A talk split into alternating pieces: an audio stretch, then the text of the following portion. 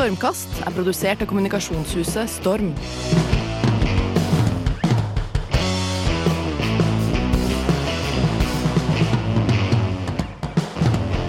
Ny uke, Petter. En ny uke der vi kan eh, smadre BMI-en. Ja. Hva er BMI-en din? Nei, den er ganske hyggelig. Det er 21 og noe. Ja. Så den er ålreit, den. Hva er din? Jeg er 26, jeg er overvektig.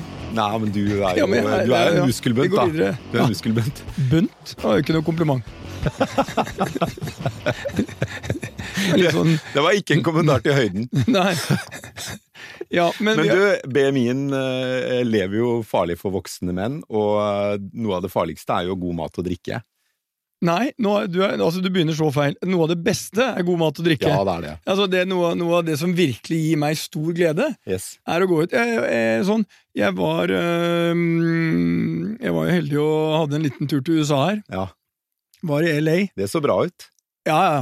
Ehm, og bodde på da det legendariske Beverly Hills Hotel. Hey. Ja, litt mer eh, det er, det, Du begynner å dra på åra. Okay. Ja, det er sånn, du, Du lukter litt i ganga. Det er ikke den der blomsterlukta du vil ha. Men der har du den eh, berømte restauranten Polo Lounge. Okay. Eh, og det er sånn se og bli sett.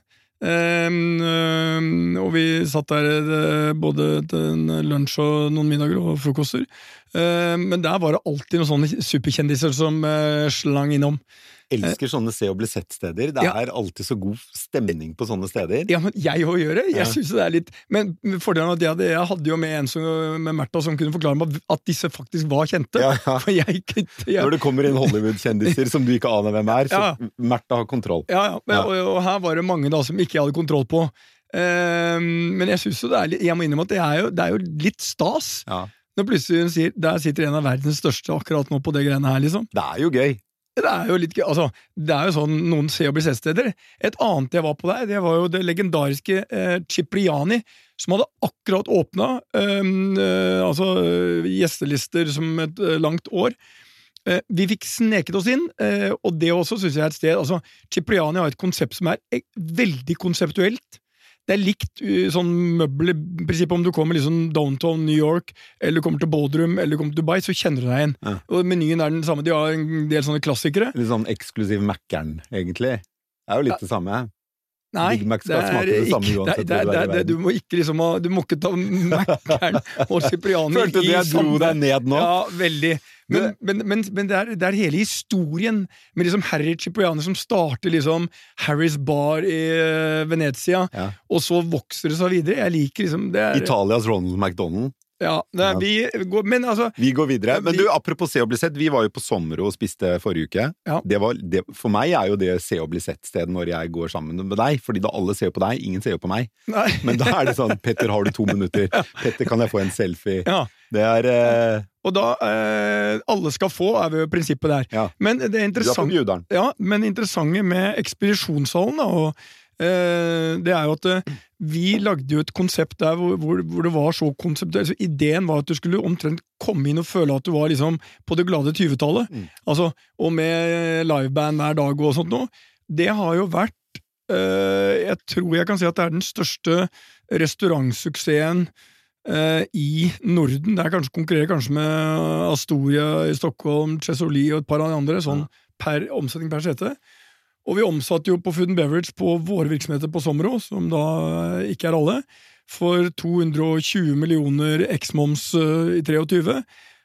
Og det er over nesten tre ganger så mye som det vi forventet Ja. når vi bygde det. Det er jo helt sjukt, og du behøver ikke være spåmann for å anslå at 2024 blir enda bedre enn 2023. Ja, 2023. starta veldig bra. Ja. Men det er også et av de få stedene hvor du ser faktisk Du får det litt kontinentale, at folk kommer inn til lunsj og drikker et glass champagne Ja. eller en drink og sånt noe, i baren. Det har jeg aldri opplevd før i, i Norge. Nei, det er uvanlig. Så Men, og det som er så gøy med restaurantopplevelser, er jo at det, det, eller det å drive restaurant må jo være så gøy, fordi du kan gi så mye glede og en så god opplevelse til mange mennesker hver eneste dag. Og så hvis du nailer konseptet, så kan du også tjene ganske godt på det. ja, og Men du kan tape veldig mye på det hvis du ikke nailer konseptet.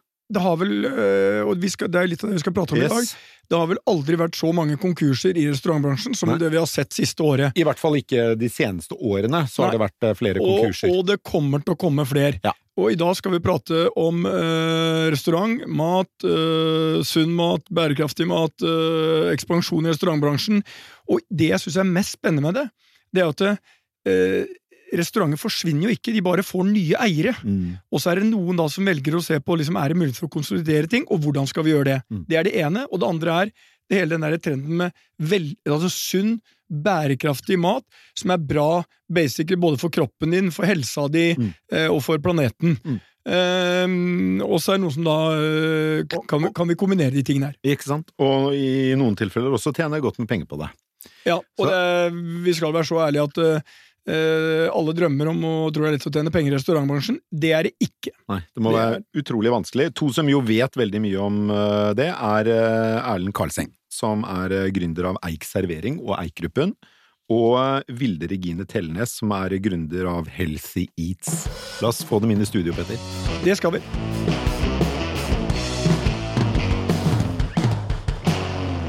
Velkommen, Erlend og Vilde Regine. Du, Vilde Regine, Healthy Eats.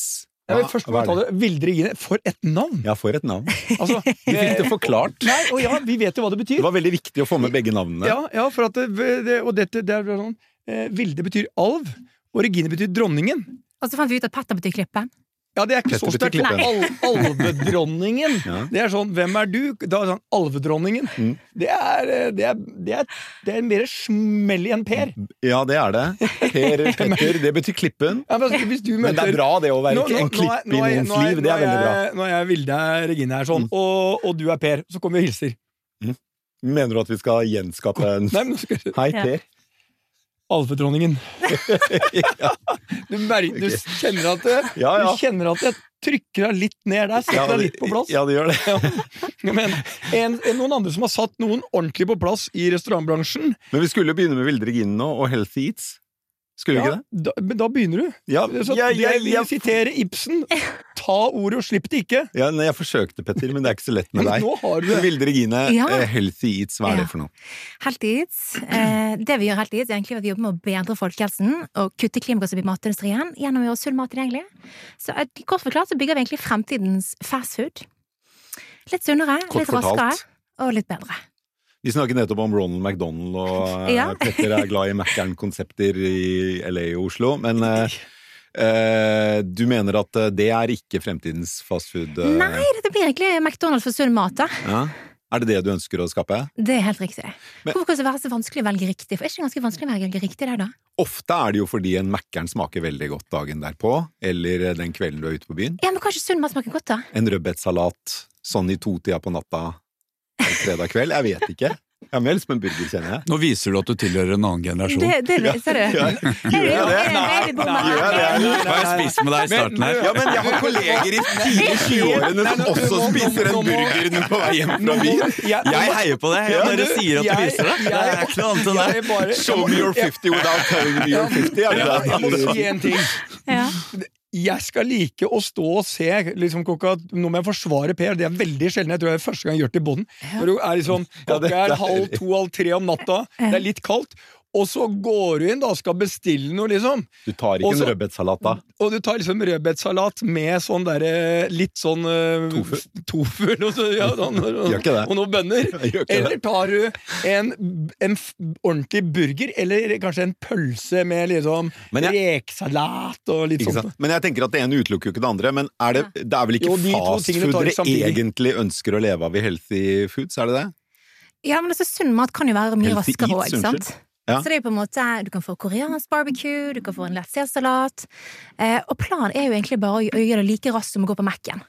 Sånn, så Derfor på en måte vi har automatisert lokasjonene, så du kan bare grab and go uten ventetid. Så det er faktisk kortere ventetid der, Per, enn det er på McDonald's. Mm. Ja, den er ikke alltid så kort, men Nei, eh, det er akkurat det. Men eh, eh, fordi dere startet med sånn Var det automatiserte eh, sjapper, basically? Riktig. Hvor du altså, ikke, det er ikke noe fremtiden er jo selvbetjent, Mm. Sånn, så det er jo helt klart. Eh, og da tenkte vi ok, hvis vi skal eh, prøve å gjøre det lønnsomt, men samtidig gi kundene det de vil ha, de får et godt måltid, de får bedre tid, de ikke betale for mye. Ok, Da må vi kutte de største eh, kostnadene for selskaper. Personalkost og leiekost kutter vi til beinet. Mm. Sentraliserer vi kjøkkenet i hver by, serverer de maskiner fremfor mennesker, så gir vi kundene akkurat det de ha. begynte vi egentlig som B2C-selskap med disse sexy foodwallsene vi har på knutepunkter rundt om i byen. Men så begynte disse store bedriftene å banke på døren. da. Har ikke noen løsninger for oss. For vi har jo mer hybrid arbeidshverdag nå, har ikke vi det? Jo. Jo, litt, jo. Litt. Ja, sant? Og de trenger ikke alltid nødvendigvis Dessverre. betale disse millionbeløpene for kantinene når de kan få disse smakkantinene for en tiende eller prisen. Så da begynte jo av og til fra PwC og KPMG å banke på døren. Når kan dere åpne her? Eller var det dere som banket på døren deres, og så syntes de det var en god idé? Eh, Det var litt begge deler. Men det er riktig, for det er jo ikke sånn mulighetene kommer til deg i livet. Du må banke på de dørene. Hvilke dør? Eller hvem som banker på hvilken dør. Ja. Nei, men ok, men det, er, altså, det er jo veldig kult om dere banker på andres dører òg. Det er jo ofte det man må, da. Og, og vi er, tallene er jo imponerende. Eh, 23 rundt 6 millioner og skal doble eller tredoble. Ja. Så det er jo et selskap som absolutt viser at det her er et marked. Nytt marked. Og det å vokse med den takten er ganske imponerende. Ja. Og det overrasker jo ingen at uh, begynte i Bergen, det hører man jo uh, hører man. og det hører man her. Ja. Uh, og så har man tatt Oslo, og syns jeg er smart at man velger to markeder. Og Stavanger. et- ja, et, du er i Stavanger òg, Ja. ja?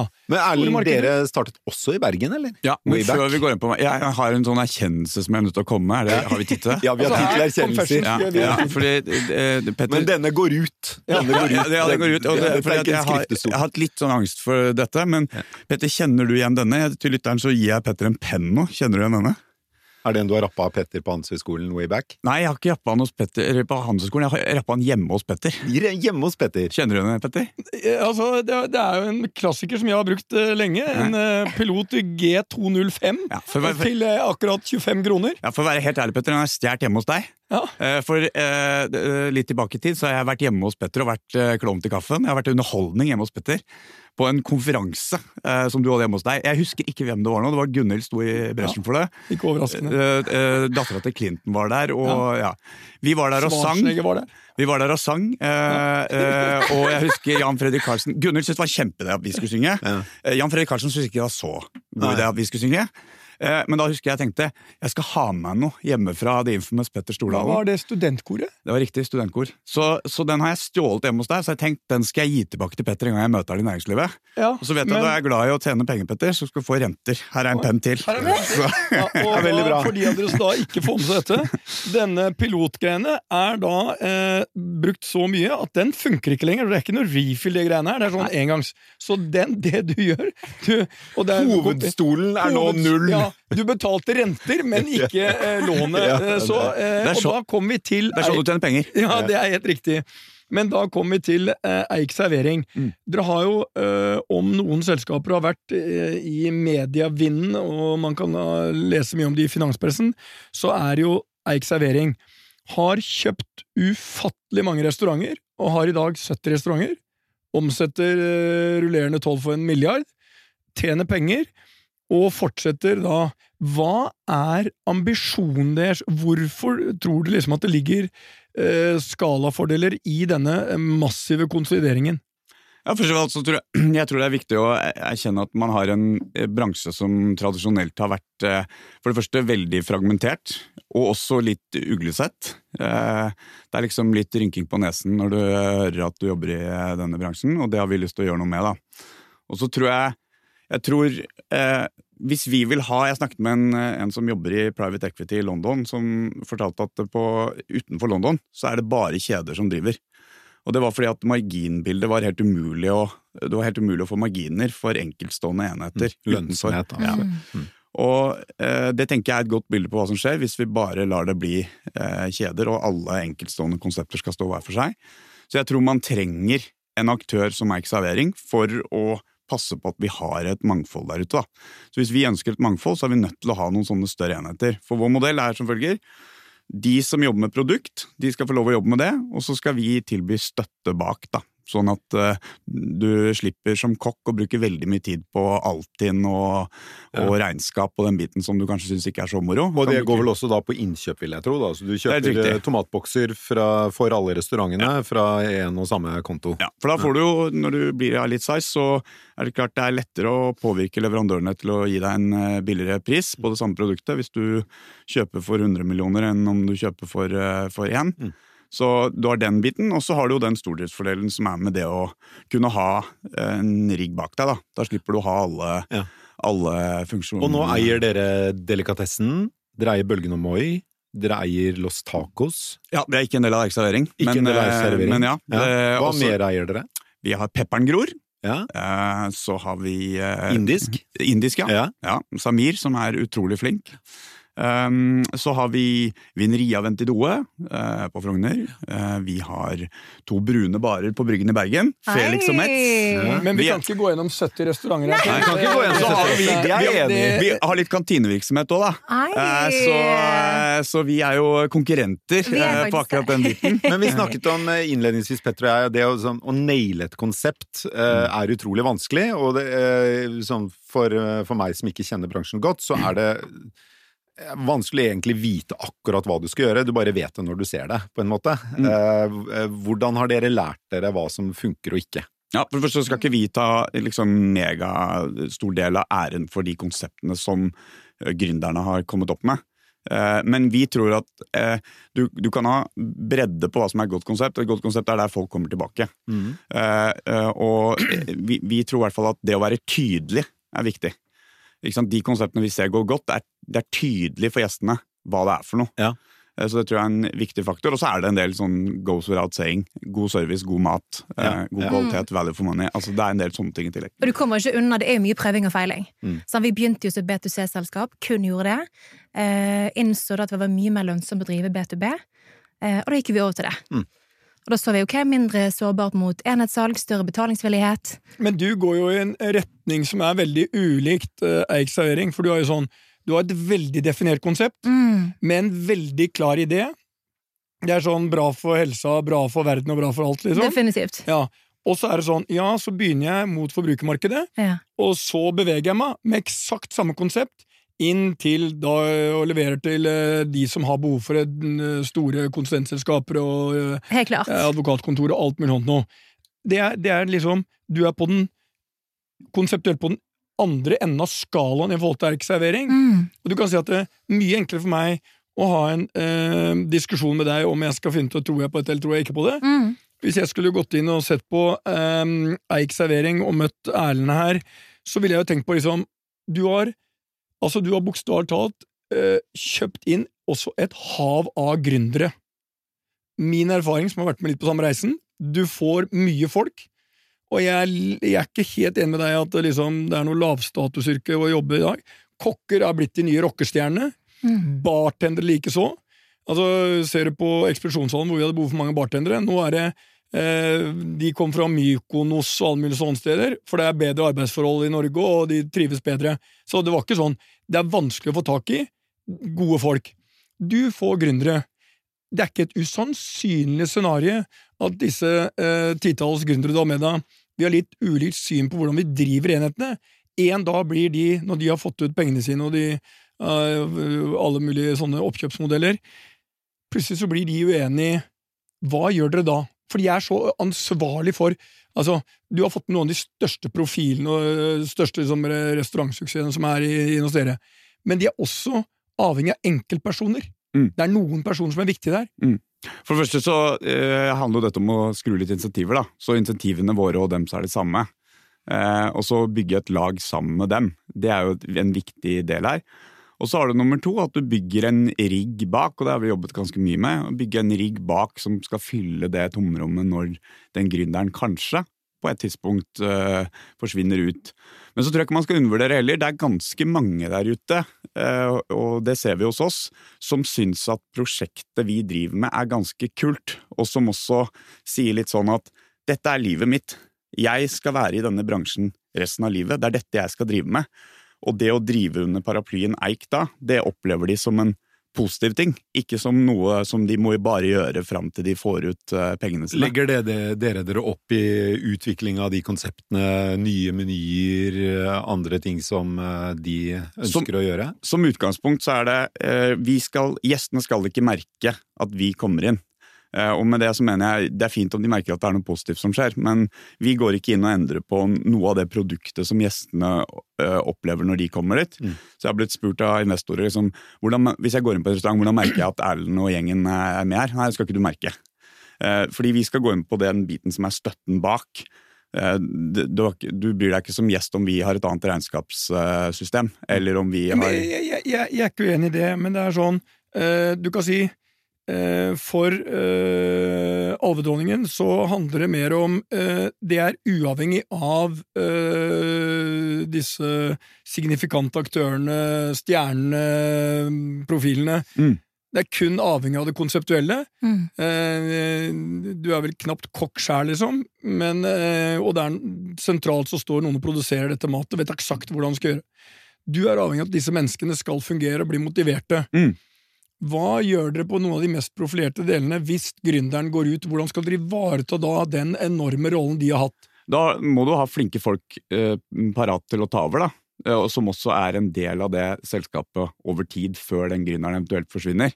Så vi har jo veldig flinke folk. Vi har blant annet disse gutta fra Lava, Tom Victor Gausdal og Anders Bråten, som jobber sentralt. Vi hadde en eh, eh, han som er eh, var på kokkelandslaget. Han sitter og jobber hos oss. Du har en del flinke folk som eh, jobber sentralt, og som også skal være med å, å, å drive dette going forward. Du, altså, det, det, dere har gjort, er helt superimponerende, Mm. men vi må erkjenne alle sammen eh, rundt bordet her sånn at uh, antall konkurser i restaurantbransjen, eh, det er noe vi leser om i avisa Mm. nesten hver eneste dag. Men kanskje det har vært en overetablering? At det er nå mark markedet tilpasser seg? Eh, det er riktig, Ja. men jeg, siden jeg kom til Oslo for snart 30 år siden, så har jeg hørt én ting. Det var overetablering. Det begynte bak i Brygge, og så gikk det videre. og siden den gang så er det sikkert 300 nye restauranter som har kommet. Og de maser fortsatt om det samme. Mm. Eh, det kommer likevel nye suksesser opp som, eh, som eh, klarer seg ufattelig bra over tid. Ja, har dere merka noe til eh, at folk har dårligere råd? Bare fortell litt på dette, for dette mener jeg litt om. Eh, jeg, jeg tror ehm, det, er, det er mange som peker på overetableringen, men jeg, jeg tror også det har litt med at den strukturen bak som mange av de store ser, for vi, vi har snakket med en del av de andre store også, og faktum er at i 2022, nei 2023 så er vi opp på omsetning eh, mot 2022. Eh, og jeg tror litt det handler om at eh, når markedet blir tøft, som det jo har vært, det må vi være ærlige om, selv om eh, Mendo og DNB ikke er helt enige om hvor mye markedet er ned, så er markedet ned. Eh, Men da tror jeg det blir viktig å ha de riggene som de litt større aktørene har, da, så du kan komme deg gjennom eh, litt eh, røffere tider. På delikatessen, eksempel. Har dere merket der at det har vært en, omsetningsnedgang på en del restauranter? Nå husker jeg ikke tallene spesifikt på delikatessen, men, men vi er opp eh, i, i 2023 på totalporteføljen, da. Ja. Mm, mot 2022. Ja. Så, så sånn som utgangspunkt så eh, kan man si har du merket det. Eh, Det kunne jo sikkert gått enda bedre hvis, eh, hvis markedet hadde vært. Eh, Men jeg, jeg, jeg syns liksom den, det bildet som blir tegnet i media med det jeg vil kalle sutring over at ikke ting går, går vår vei, det, det syns jeg er litt overdrevet. Hva med dere, Vilde Regine? De B2C-utsalgene dere har, da. Altså, Ja. eh, Der hvor folk kommer og kjøper maten deres. Hvordan er omsetningen der i forhold til synes for vår del så har det økt òg. Og hvis du ser egentlig på markedet som sådan, altså fra 2019 til 2023, så har jo omsetningen økt med sånn 25% i, en servering. Hva har det gått fra 60 milliarder til 80 milliarder? Så det har økt mer enn vi hadde forventet. Så jeg tror vi gjør det litt mer svartere, som du, du sier, Erlend, enn det det faktisk er. Mm. Eh, og samtidig, når folk eh, hadde mer hybride arbeidshverdager, så ville de kanskje ha rimeligere løsninger, og da egentlig er det positivt for vår del. For å ta det inn våre løsninger. Utfordringen i restaurantbransjen er jo at eh, det er eh, relativt beskjedne marginer. Mm. Og det betyr at om omsetningen faller med 15% så kan, det, kan du lett gå fra sunne, gode sorte tall til usunne røde tall. Og det går veldig fort. Ja, det, dette er jo en, en, en sånn som jeg diskuterer med mange om dagen. For, at, eh, for det første så eh, tror jeg dette er en grunn til at da, eh, man kan eh, tenke på det sånn. Det er at eh, eh, det har vært ganske konsolidert i leverandørleddet, så det har fått press på marginbildet. Eh, Vi gjorde en reforhandling eh, nå som vi avsluttet eh, i, i juli som var, hvor vi så en innsparing på eh, nesten 4 av revenue. Eh, Det betyr nesten 40 millioner mm. på bare innkjøp. Eh, Og eh, så er det også på, på det du sier, Petter, med at hvis omsetningen går ned Jeg husker ikke nøyaktige tall, men eh, under covid så ble det jo praktisk talt eh, ulovlig å drive det vi drev med. Eh, og da ramlet omsetningen 50% men allikevel leverte eh, vi nesten halvparten av, eh, av eh, overskuddet som vi leverte i, i 2022. Så på en måte, eh, det ble, og det er nå ca. 50 millioner. Så, så, mm, så det, det at marginbildet, eller altså at man er så sensitiv for fall i, fall i, eh, i omsetning, det er ikke nødvendigvis, eller det sier ikke tallene. Mm. Og det tror jeg også har litt med den dynamikken du har i kostnadsbasen i det vi driver med. Men har ikke det blitt litt sånn greedflation, da? At mange som utnyttet det at ja, nå går prisen opp, og da kan de bare skru prisen opp enda mer enn det råvareprisen egentlig har gått opp? Hvor mye har dere satt opp prisen av Vilt Regine? Eh, vi har ikke satt opp så, så høyt. Eh, kanskje bare eh, 8 noe sånt. Mm. Men du ser råvareprisene på frukt og grønt har jo økt med hva er det, 12 12 siden januar eh, i fjor. Men når dere leverer da, altså dere blir jo et, et, eh, supplement til, eller et alternativ til å ha kantiner i, i kontoret, på kontoret. Eh, er det et marked du tror vil vokse mye fremover, eller har det pika litt? Jeg tror det vil fortsette å vokse. Definitivt. Hva slags type kunder Altså, du nevner jo noen veldig sånn, bra kunder her. Du nevner noen Ja. av de største konsulentselskapene i Norge, men er det typiske kunder av denne type Det er helt riktig. For våre løsninger er jo åpne 24 timer i døgnet. Med sunn og bærekraftig mat. Og så er det sånn typisk eh, sånne typer konsulenthus vil jo ha økt kvalitet, de vil ha bedre trivsel, de vil ha mindre sykefravær. Og da vil de at ikke du skal kjøpe pizza og sushi og sånne ting hver dag, men ha ting som varer litt lenger, så du har det bedre for. Og så har jeg hørt, eh, Dette kan sikkert Petter mer om enn meg, men jeg, jeg har hørt at eh, en del nybygg så klarer man ikke å regne det hjem eh, som, eh, som eh, huseier Mm. på å bygge kantine. Du vil heller fylle det med kontorer. Så da kan jo løsningen deres være ganske Helt, lett, helt riktig. Så, mm, Men en annen ting, du, hvis jeg husker rett, så uttalte en, jeg vet ikke om det er deg, til Finansavisen i 23 at dere så på Sverige. Mm. Det er, da er det naturlig å tenke Stockholm. ja, har du noe der, eller? Der er, er vi størst. Yes. Men, og jeg har vært i øh, restaurantbransjen, er sånn Eh, en annen variant av Eik-servering, Stureplansgruppen. Mm. Eh, Men de har jo også betydelig altså, bar- og nattklubbvirksomhet, som er enda mer komplisert eh, enn re- restaurant. Men hvordan opplever du konkurransen i Stockholm versus Oslo? Det er litt høyere priser, så vidt vi forstår det, eh, enn en, eh, enn det er i, i Oslo. Så vi har jo også sett litt på Göteborg, fordi det er en Hva skal jeg si eh, Der har de kanskje kommet litt kortere. Eh, og så har vi ikke gjort nøye eh, nøye mm, det det jeg kaller det, av, av markedet i Stockholm på konkurransebildet. Men så er jo også vår modell at vi skal kjøpe de gode konseptene eh, som står seg over tid, og som har levert marginer over tid. Så på en måte eh, hvordan konkurransebildet er på en, et gitt tidspunkt, det er ikke det vi skal se etter. Vi skal se etter liksom en, en, en, litt mer evighetsperspektiv, da. Men hvordan, hvordan vil du beskrive det svenske markedet, Petter? Eller markedet i Stockholm? Nei, altså, min vurdering er at øh, både når det gjelder Gøteborg, er det steintøff konkurranse. Kommet veldig mange nye, ekstremt mye bra restauranter. Eh, og Stockholm om mulig enda hvassere. Mm. Det ser man, altså, Stockholm er et, øh, sånn jeg opplever det, en enda mer sånn internasjonalt marked. og øh, Det fremstår jo ganske mye proffere, ja, vil er, jeg si. det er, det er Ja, det er, det er i hvert fall konkurransene, og der er det flere store aktører inne allerede. Ehm, Jeg ser bare at vi åpner jo i Stureplansgruppen noen nye enheter, og ehm, det er mer og mer utfordrende å sette det ordentlig på kartet og få et ordentlig volum. Og så er jo eh, kostnadene ved å etablere seg større, også som følge av leienivåene er mye høyere. Mm. Eh, altså Kontoret i Stockholm betaler du 8 000-10 000 kroner for, og i Oslo tilsvarende kanskje halvparten. Og samme gjelder altså restauranter. Det, det, Det er dobbelt så mye kundegrunnlag, var ikke? Jo, det Ja. er det. Eh, Stockholm er en storby, men, Mm. men det er, konkurransen er Jeg opplever at konkurransen er tøffere der. Mm. Eh, så Men absolutt et spennende marked, og de store markedene er jo Göteborg, som er eh, altså eh, kort til Norge, og eh, kanskje en av de flinkeste liksom, på eventer og store greier. Men er- siden, siden du har en virksomhet der, burde ikke vi snakke om det, da? Jo, Vi kan godt snakke om uh, Stureplansgruppen, Ja. de tjener jo gode penger og har gjort Ja, det hele ja, ja. veien. Så, men det, husk at det, der er det også en gründer, uh, Vimal Kovac, som har styrt dette i de siste 25 årene, uh, med jernhånd.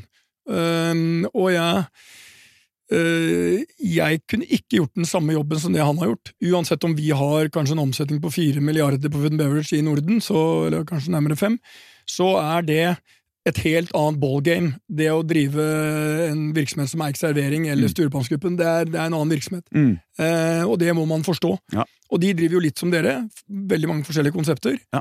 Ehm, så spennende. Jeg syns det er spennende at dere tenker på Sverige, og det er det mest naturlige markedet å gå til. Eh, og Gøteborg og Stockholm er de to store markedene. Ehm, og nå får vi se. Dere er jo, eh, har jo vokst enormt i 22 og 23. Skal dere fortsette veksten inn i 24? Ja, det er planen. Uh, ja, du, du har jo rullerende en milliard pluss i omsetning. Hva er, har du rullerende 24? Ja, Vi får se, da. Det, jeg håper jo i hvert fall på å legge på meg 50 så får vi se. Wow! Eh, bra takt her, da. Ja. Men dere har henta en del, dere har ikke henta penger, men dere henta et bånd, var det dere gjorde, fra et engelsk selskap? Ja, en eh, private lending ble det til slutt. Så, ja. Men jeg har hentet eh, en ramme på 75 millioner euro. Og har tatt ned en del av det, men har fortsatt en del eh, penger igjen i kassa der. Så skal vi hente litt egenkapital nå, så vi er på det racet as we speak. Ja. Så um, håper jeg får på plass litt da. Ok, så um, uh, Som vi starta med, så er jo altså, mat og drikke det er, eh, det er noe alle har et uh, forhold til, uh, på en eller annen måte. Og restaurantmarkedet har vokst kraftig over mange år, og vi, ja, det er vel som vi var inne på i sted, at det har vært snakk om overetablering i restaurantmarkedet i Norge, i hvert fall i 30 år. Jeg vet ikke, hvor, sikkert lenger tilbake. Eh, Per, i per det slutt å snakke om det overetablering. Det, det Ja, hører jeg på hotellet, hører på alt det her. Yes, Eh, det var, det var overetablering på hotell før jeg begynte, og nå 240 hotell seinere, så er det fortsatt overetablering. Yes, ikke sant? Så overetablering er det kanskje ikke. Men hva, hva tror dere trendene i eh, restaurantmarkedet er, eh, Vilde Regine? Hva ser du for deg i årene fremover? Hva blir, hvem er vinnerne og taperne i markedet? Altså, alt automatiseres jo. Det blir vi tvunget av i forhold til de økte personalkostnadene eh, og råvareprisene. Eh, og så blir det mye mer sånn grab and go-løsninger. Vi mer ønsker mer fleksibilitet. Og så ser vi også at mange ser til utlandet, og en del internasjonale trender kommer til Norge. Om det er bubble tea, eller om det er andre asiatiske konsepter, kommer mye, mye mer av sånne ting også. Mm. Bubble tea, hva er det for noe? Det er jo disse her eh, teene med disse her uh, skulle si, små proppen du trykker nedi? Ja. Ja, okay, Ja. Nei, men det er jo bare ett eksempel av mange av ting som kommer. Sant? Vi lar oss inspirere av internasjonale konsepter. Ta det til Norge, forbedre det. Vips, så har vi en business uh, her også. Så jeg tror mye mer av de tingene. Og så historiefortelling på selskapene blir enda viktigere enn det har vært uh, før. Kundene er mer opptatt av hvor ting kommer fra, fotavtrykket, og der spiller vi også en viktig rolle. Men jeg tror veldig mye på det du sier der, spesielt om storytellingen og alt det, og så tror jeg du får Altså, mangfoldet kommer bare til å øke. Eh, vi introduserte noe i eh, Stockholm med Tips i ti, altså på formiddagen, og tok med det videre til eh, Sommero. Gigasuksess, og hvem skal tro at du liksom sitter og tar en sånn high tea-sak i Oslo en lørdag, men det er pakka fullt. Um, og da, der går du inn helt motsatt retningen med konditorer og alt, og du legger ekstremt mye vekt på at dette skal være en opplevelse, altså matopplevelsen. Så jeg er enig med at jeg tror vi får, eh, som du er innom, eh, det er at vi får automatisering og sånt noe. Nå har det vært ganske lenge, Mhm. men du gjør det på en eh, mer bærekraftig og helsemessig måte. Så får også det, som Eik er innom, at det, det blir et enormt mangfold her. Og sånn, skal dere i Eik servering også inn på high end-markedet, altså der du snakker om uh, uh, Michelin-stjerner og Ja, vi er jo der i dag. Ja, vi har jo vi har Stallen, blant annet, som vi er veldig stolte av. eh, Som har stjerne i, i, i Michelin-guiden. Og så har vi jo Savanne og Brasserie Vest. Vi har noen der oppe. de er, har, vel- de er vel ikke akkurat i Michelin eh, Nei, men de er high end eh, i norsk eh, standard. Ja. Jeg vil tro du har vært innom der og spist og syntes at det var ganske ålreit. Og så har vi Katla. De er ikke Michelin-stjerne nå, men det er jo et tydelig målsetning de har. Vi har Bib Gourmand på Men var, på, eh, hvis det skal være ett kjennetegn med disse ordentlig high end-restaurantene, Ja. Michelin-restaurantene, hva er det? Nei, altså, vi, vi vil jo ha gode konsepter, og det er vi ganske tydelige på. Eh, Men, men, men det er ett likhetstrekk mellom disse Michelin-restaurantene. Og det er faktisk ganske likt også Norge, Sverige og Danmark. Nei, ikke, ja, det, jo Danmark også, for så vidt. du. Ja, Du tenker at det er et, et likhetstrekk? At Ja. de kommer fra det nordiske markedet, eller? Eller at de uh, har en tendens til å ikke tjene penger. Ja, sånn, ja. ja. Det blir utfordringen.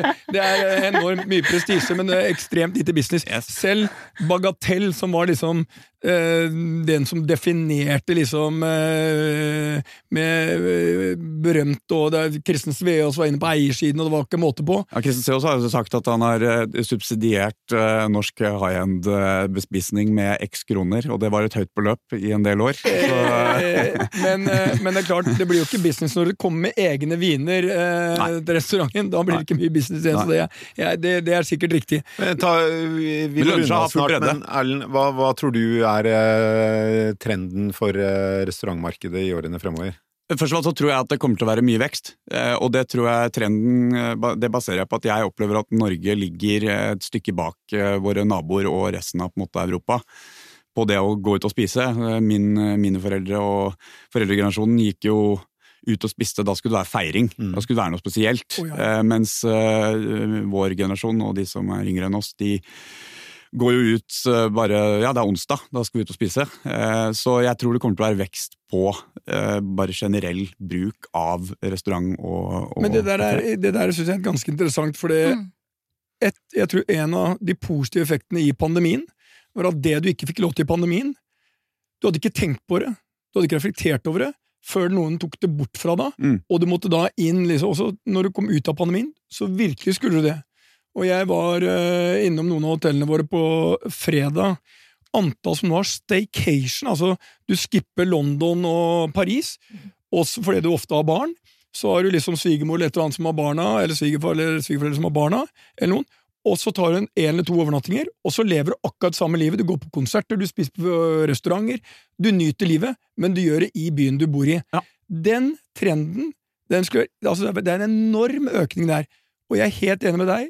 Neste generasjon kommer til å forbruke mer enn forrige generasjon. Ja. Og når uh, hadde jeg fortalt min far at jeg skulle stå i studio, hvor alle fire, uh, eller i hvert fall tre av de, faktisk kjøper flaskevann til uh, 25-30 kroner, som er gratis i springen. De kan kjøpe en fancy kopp kaffe som koster litt sånn 40 kroner. Eh, Så han sagt det er galskap. Vann er i springen, og kaffe lager vi på termos. Eh, Men der ser også Sverige. Der er det et stort marked for lunsj. Yes. Lunsj er et stort marked, men det er vanskelig å få god lønnsomhet i det. Men det er et stort marked. Svenskene går og spiser lunsj ute på restaurant. Ja. Tror det kommer til eh, Norge? Jeg, jeg tror jo det på sikt. Jeg tror ikke vi er der helt ennå. Jeg tror ikke det går over natta, men jeg tror vi kommer dit på sikt. Og da bare for å understreke det Petter sier, for jeg har vært på en sånn eh, lunsjseanse i Sverige. Og da sa han gründeren av Los Tacos, da, som ikke er en del av Erikserring, han sa jo det, det ser jo ut som det ser ut på Bislett Kebab klokka to om natta, liksom. Det er jo full fest på den eh, Det er ikke så mye alkohol, men, Nei, det er- men, det, er, men det oppleves liksom eh, som en ordentlig trykk på lunsj. eh. Og de ler jo av oss. Som er, spiser matpakke og, og Eller heldig hvor mye skal, skal du holde veksttakten din i de neste årene? Det skal vi. Det skal jeg. Og fra etter uh, Bergen, Oslo, Stavanger, hvor eh, er du vokser? Altså, vi har en trestegs rakettmodell, da. Først uh, ta markedsandeler i Norge, sånn som Jakob Skram sier, minste motstandsvei. Tar vi Norge først, og så snuser vi på resten av Norden før Europa står for tur. Wow! Eikservering. Ja, vi håper jo Vi opplever vel at vi er blant de største i Norge nå, og så må vi jo satse på å være blant de største i hvert fall Skandinavia innen eh, kort tid. Så det Og kort tid der. Et par år. Oi, Ja. øh, og det som er helt sikkert er sånn, vi skal invitere begge disse tilbake, så skal vi ta oppsummeringen. Jeg har mine tanker om hvordan det da ser ut, er men at optimismen er betydelig til stede på den andre siden av bordet her. Og det er bra. Det er veldig bra. Det er veldig bra. For det er ikke pessimistene som har skapt landet, Per. Nei, det er ikke det. det, er ikke det. Tusen takk skal dere ha, Erlend Karlseng og eh, Vilde Regine Tellnes. Vi snakkes igjen neste uke, vi, Petter. Det gjør vi. Stormkast produseres av kommunikasjonshuset Storm.